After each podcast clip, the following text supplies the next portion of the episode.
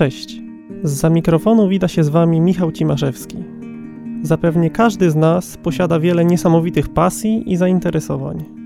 Dla mnie największą pasją jest miasto Lwów, dlatego chciałbym Was zaprosić do krótkiej, ale intensywnej wycieczki po rynku miasta zatartych granic. Słuchajcie się i otwórzcie szeroko oczy wyobraźni. Na pewno Wam to bardzo pomoże.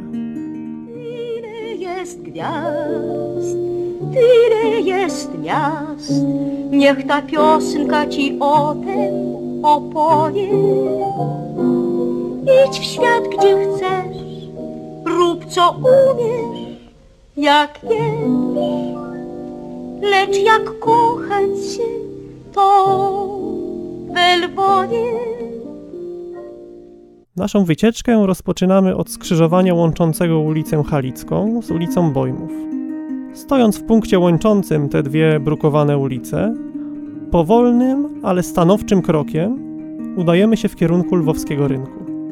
Zarówno z prawej strony, jak i z lewej otaczają nas dwu lub trzy kondygnacyjne, secesyjne kamienice, każda z indywidualnie zaaranżowaną przestrzenią parterową.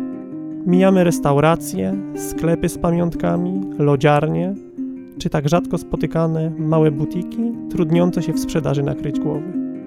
Po lewej stronie ukazuje nam się monumentalna świątynia. Jej wysokie i smukłe witraże, wkomponowane w fasadę budynku, odkrywają przed nami wnętrze prezbiterium. Jednak czym jest ten sakralny pomnik historii? To nic innego jak katedra łacińska jedna z wielu świątyń umiejscowionych wokół lwowskiego ratusza.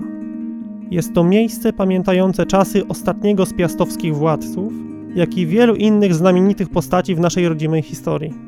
W tym miejscu Jan Kazimierz składa śluby lwowskie i przyrzeka oddanie Rzeczypospolitej w ręce Najświętszej Marii Panny. Spoglądając na północ, widzimy przecinające się tory tramwajowe, ciągnący się wokół ulic bezpośrednio łączących spacerowy deptak okalający lwowski ratusz. Zanim zbliżymy się do jego parterowej, boniowanej fasady, skierujemy swoje oczy na fontannę zwieńczoną rzeźbą tajemniczego mężczyzny. Atletyczna sylwetka, przepasana w biodrach pofalowaną szatą, prawa ręka trzymająca dużo większy od siebie trójząb, to atrybuty mężczyzny stojącego na straży lwowskiej fontanny. A jest to nie kto inny jak sam Neptun. Bóg mórz i oceanów, władca wody, chmur i deszczu. Dzięki niemu lwowska woda wciąż orzeźwia kolejne pokolenia turystów. Mijając fontannę, zbliżamy się do kolumnady podcieni lwowskiego ratusza. Miejsca, w którym współcześnie znajdziemy restaurację, hotel czy kawiarnię. Jednak najlepszym przykładem przedstawiającym lwowski kunszt restauratorski jest miejsce tak szczególne dla życia dawnego Lwowa. Restauracja Atlas, umiejscowiona na styku ulic Grodzickich i Dominikańskiej, zaskakuje nas napisami w alfabecie łacińskim. Atlas to miejsce łączące dawną bohemę artystyczną miasta Lwowa.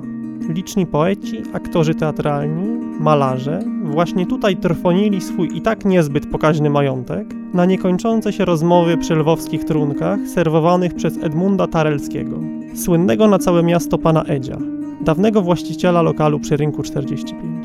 Niestety w tym miejscu kończy się nasza krótka wycieczka. Mam nadzieję, że wzbudziła ona choć trochę uśmiechu lub sentymentu skierowanego bezpośrednio w stronę wielkiego i niezłomnego miasta. Do usłyszenia na falach wznoszących. Leopolis Semper Fidelis. Z wszystkich tęsknot do sławy, do złota, do triumfów i wieńców na głowie pozostała ta jedna tęsknota, żeby kiedyś umierać Lwowie.